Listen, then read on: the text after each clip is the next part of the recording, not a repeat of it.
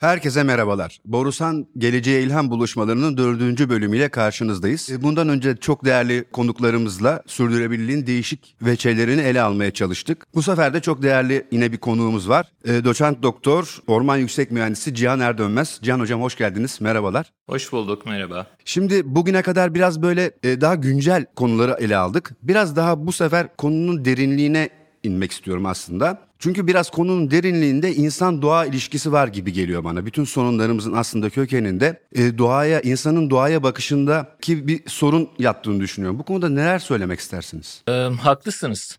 Yani temelde sorunumuz o sürdürülebilirlik bağlamındaki yani neyin sürdürülebilirliği? Yaşamın sürdürülebilirliği tabii ki. Aslında sürdürülebilirlik kavramı kalkınmanın sürdürülebilirliği olarak ortaya çıktı ama günümüzde artık... Ama doğa olmadan zaten bir evet, kalkınma evet, mümkün mü? E, değil tabii ki. Çünkü en temel üretim faktörlerinden birisi ham madde o da doğaya dayanıyor. Dolayısıyla üretim süreçlerinin sürdürülebilirliği de doğanın ve yaşamın sürdürülebilirliğiyle alakalı bir konu. Evet e, sorunumuz aslında insan doğa ilişkilerini net bir şekilde doğru bir kanala yönlendirememiş olmamız. Çok yakın zamanlara kadar e, tarihsel süreçten bahsediyorum. Yani yaklaşık bir 5-6 bin yıllık e, insan uygarlığı tarihi olduğunu düşünürsek son 100-150 seneye kadar doğayı biz sınırsız, istediğimiz şekilde kullanabileceğimiz ve asla biteceğini düşünmediğimiz bir kaynak olarak değerlendirdik. Halbuki doğa aynı zamanda bizim içinde yaşadığımız yaşadığımız bir yaşam Aslında ortamıydı. doğa biraz da biziz yani.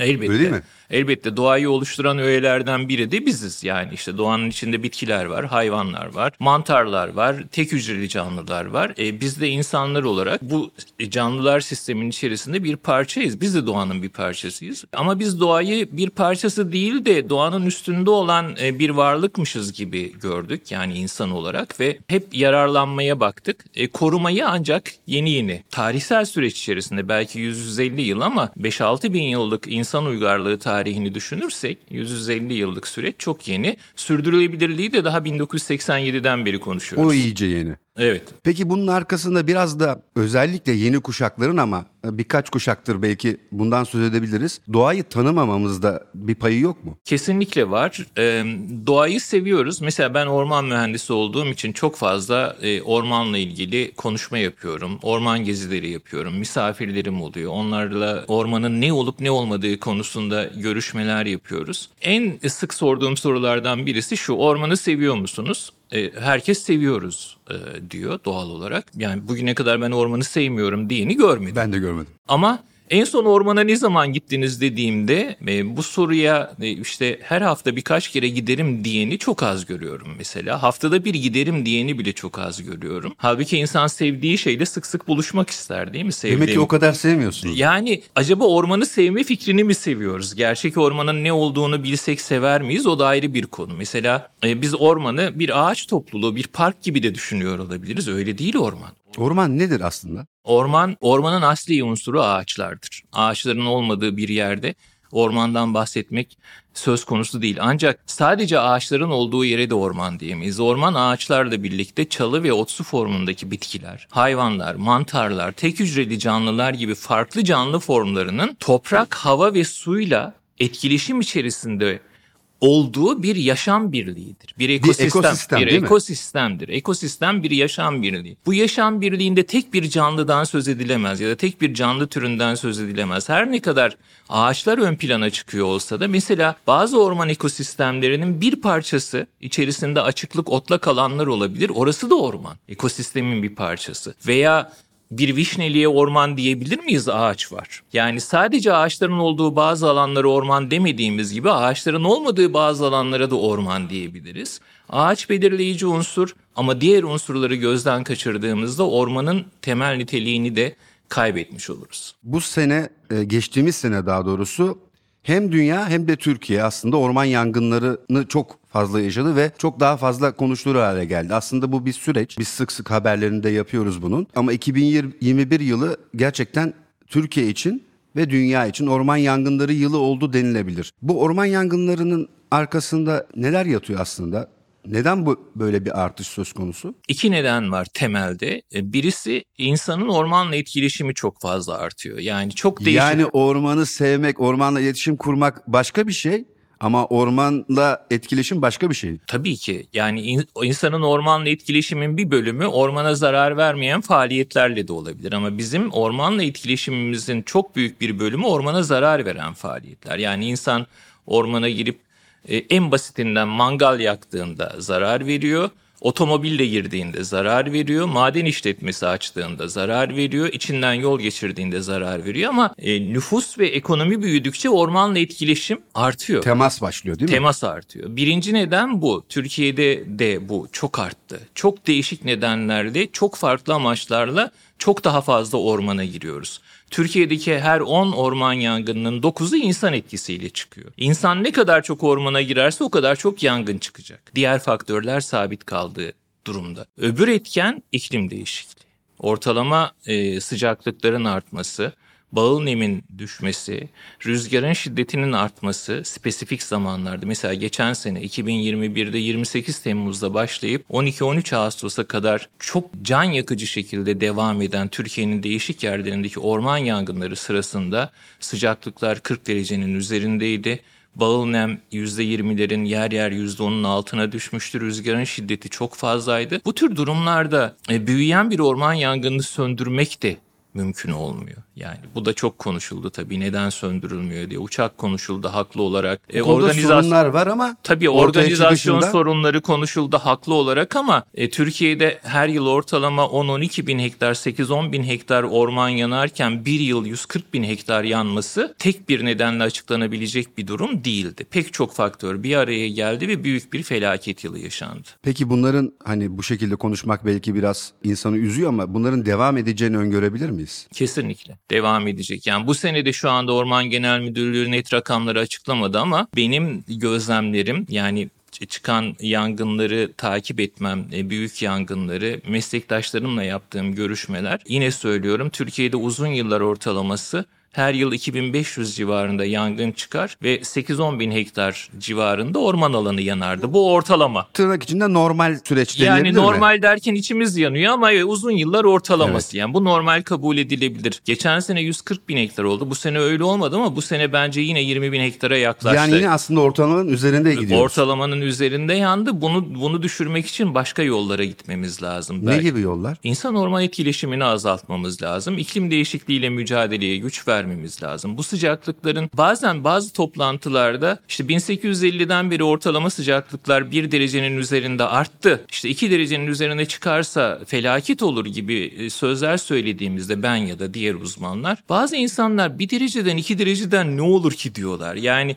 Evet şu anda bizim bulunduğumuz ortamın sıcaklığı bir derece artsa ya da azalsa biz anlık olarak hiçbir şeyi fark etmeyebiliriz. Ya da çok az şeyi fark edebiliriz. Ama ekosistemde bir derecelik sıcaklık değişikliği, ortalama sıcaklığın bir derece artması ya da azalması bütün sistemin tepe taklak olması demek. E, yangınlar da bu sıcaklık artışlarından çok etkileniyorlar. Dolayısıyla orman yangınlarını engellemenin en temel yolu Mesela bize mühendislik eğitiminde, orman mühendisliği eğitiminde hep şu söylendi. Halen de bu doğru. Orman yangınını önlemek, orman yangınını söndürmekten kat kat kolaydır. Biz hep söndürmeyi konuşuyoruz. Yangın çıkıyor, yangının çıkışını bir realite gibi kabul ediyoruz. Bu bunu önlenemez gibi kabul edip söndürme üzerine işte uçak mı olacak, helikopter mi olacak, gece görüşü mü olacak? Elbette onlar da konuşulsun. O da ayrı bir mevzu ama esas mesele önlemedi. Önlemek için de bir insan orman etkili, gereksiz insan orman etkileşimini azaltmak lazım. Yani kontrolsüz bir hale geldi ormana giriş çıkışlar her açıdan. Yani bireysel olarak e, gezmek, dolaşmak da ekonomik amaçlı ormandan yararlanmak da e, toplu olarak söylüyorum. Bunda mutlaka sınırlamalara gitmemiz gerekiyor. Öbür taraftan iklim değişikliğiyle mücadele zaten apayrı ve geniş bir mevzu. Yani ormanlar üzerine yeni bir kamu politikası, yeni bir yaklaşım hem Türk hem Türkiye için söylüyorum hem dünya için gerekli Sadece değil mi? ormanlar için değil, bütün doğal kaynaklar için, sulak alanlar için, dağ ekosistemleri için, kıyı e, ekosistemleri için hepsi için farklı bir yaklaşım getirmek zorundayız. Aksi takdirde o yaklaşım kendiliğinden gelecek. Yani şöyle söyleyeyim. iklim değişikliği yani bir derece bir buçuğa iki, ikiye çıkarsa zaten işte e, ekosistemlerdeki değişiklikler bizim temel yaşam alışkanlıklarımızda köklü değişiklikler yapmamıza yapmamızı zorlayacak Tercih nedeni olmayacak bu. Ama şu anda tercihen yapabiliriz. Bütün yaşam alışkanlıklarımızda köklü değişiklikler yapmamız ormanla, sulak alanlarla, denizlerle, kıyı alanlarıyla temasımızı ve iletişim şeklimizi, etkileşim şeklimizi değiştirmemiz Ben şunu gerekiyor. anlıyorum. Başka bir gezegende yaşıyor gibiyiz biraz. Yani gezegenin normallerinde bir değişiklik var. Bu bir derecelik ısınma Evet, ve evet, bir dereceyi evet. geçen bir ısınma ve ne yazık ki hani bir buçuk dereceyi de tutup tutamayacağımızı da bilmiyoruz. Dolayısıyla insanın bütün faaliyetlerini bu yeni normale göre yeniden düzenlemesi gerekiyor herhalde öyle değil mi? Kesinlikle öyle ama maalesef bu konuda da hemen hemen bütün yani bazı ülkeler çok ciddi adımlar atıyor olabilirler spesifik olarak ama dünyada 200'ün üzerinde ülke var. E, bu konuya e, gereken özeni gösteren ülke sayısı çok az. E, Zaten işte sera gazlarından bahsediyoruz iklim değişikliği denildi. En büyük sera gazı salımını yapan ülke Çin. E, nüfusu büyük, alanı büyük. E, bir ölçüde e, normal sayılabilir. Amerika Birleşik Devletleri filan gibi, e, büyük Hindistan gibi büyük sera gazı salımı yapan ülkelerde ciddi tedbirler yok maalesef. Hocam şöyle bir e, şey sorsam size. Elinizde biraz yani kamu gücü olsa en çok neye ağırlık verirsiniz? İnsan doğa ilişkisini daha iyi bir yola sokmak açısından. Aslında ben belki biraz ters açıdan da bakarak sorunuzu cevaplandırayım. Elimde kamu gücü olsa demin söylediğimi yaparım. Yani insan doğa etkileşimine sınırlar koyarım. Elbette doğaya girme ihtiyacımız var. Elbette doğada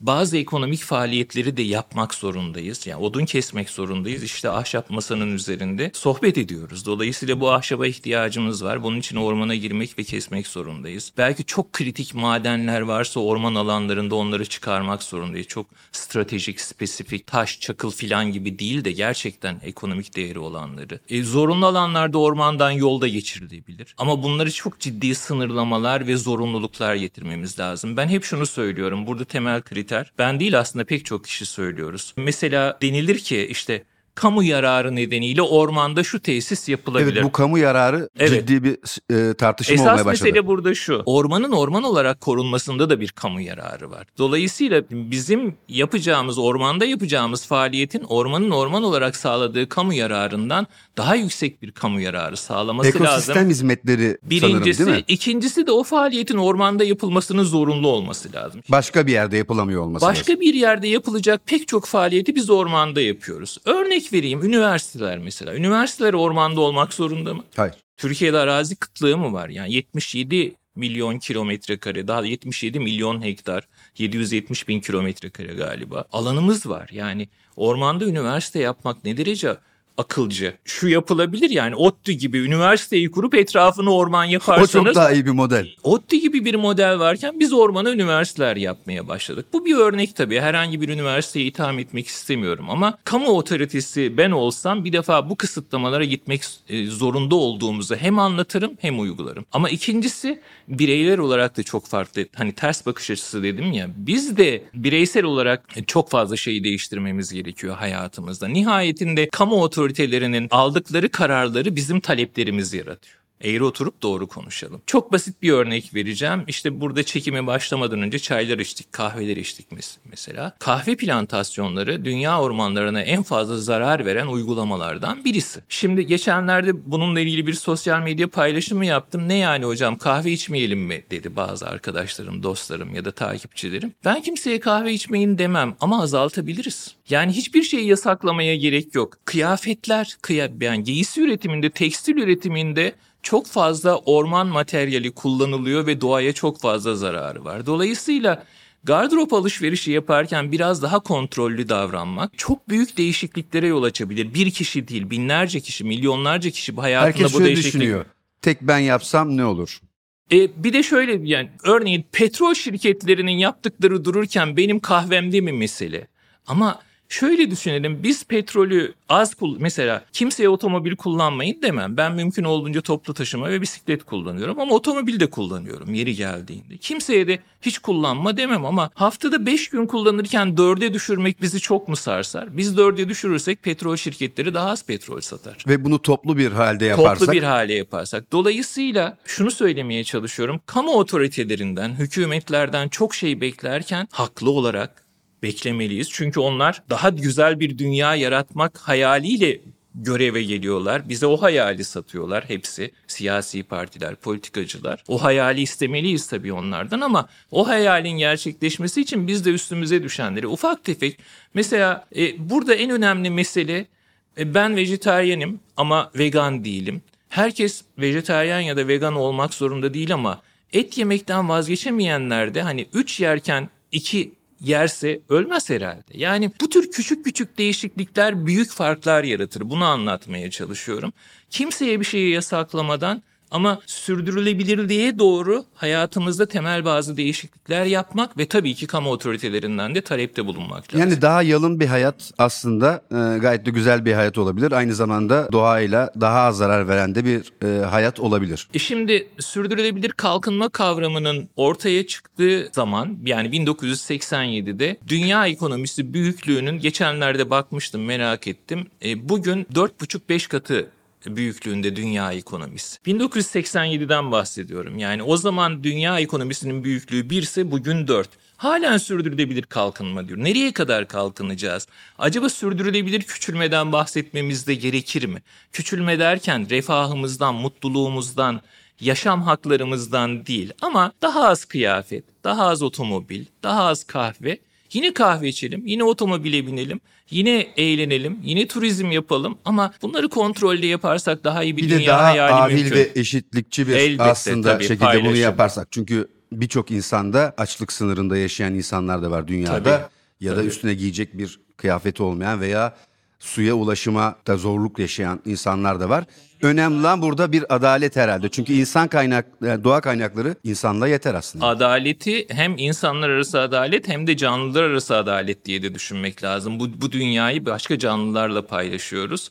Dolayısıyla onlar için de adil olmamız lazım. Bu birdenbire olmaz. Ben onun için sürdürülebilir küçülme diyorum mesela. Çünkü küçülmeden bahsediyorum. Ne yani mağara devrine mi geri dönüm? Hayır öyle bir şey demiyorum ama hepimizin yapabileceği bir şey. Yani çok basit bir örnek yani. Haftada 5 gün yerine 4 gün e, otomobil kullansanız da bir gün toplu taşıma kullansanız herkes kullanıyor diye demiyorum. Kullanan için diyorum mesela. Otomobilini sat bir daha da otomobile binme demek çok korkutucu, ürkütücü. O çok Ama radikal bir çok radikal olur. Bu da zaten sürdürülebilir olmaz. İnsanlar ürker ve bundan Evet. vazgeçerler. Ama sürdürülebilir küçülme dediğim vazgeçebileceğimiz bazı şeyler mutlaka var. yapılabilir olanı Evet. aslında yapmakta Evet. çok fayda var. Evet. Hocam çok teşekkür ediyorum. Çok değerli bilgiler verdiniz. Doğa insan ilişkisine dair çok daha fazla herhalde konuşmamız gerekiyor. Ancak bu e, büyük meydan okumadan, e, bu başımızdaki büyük beladan ancak bu şekilde kurtulabiliriz gibi. Kesinlikle. Ben teşekkür ediyorum. Sağ olun.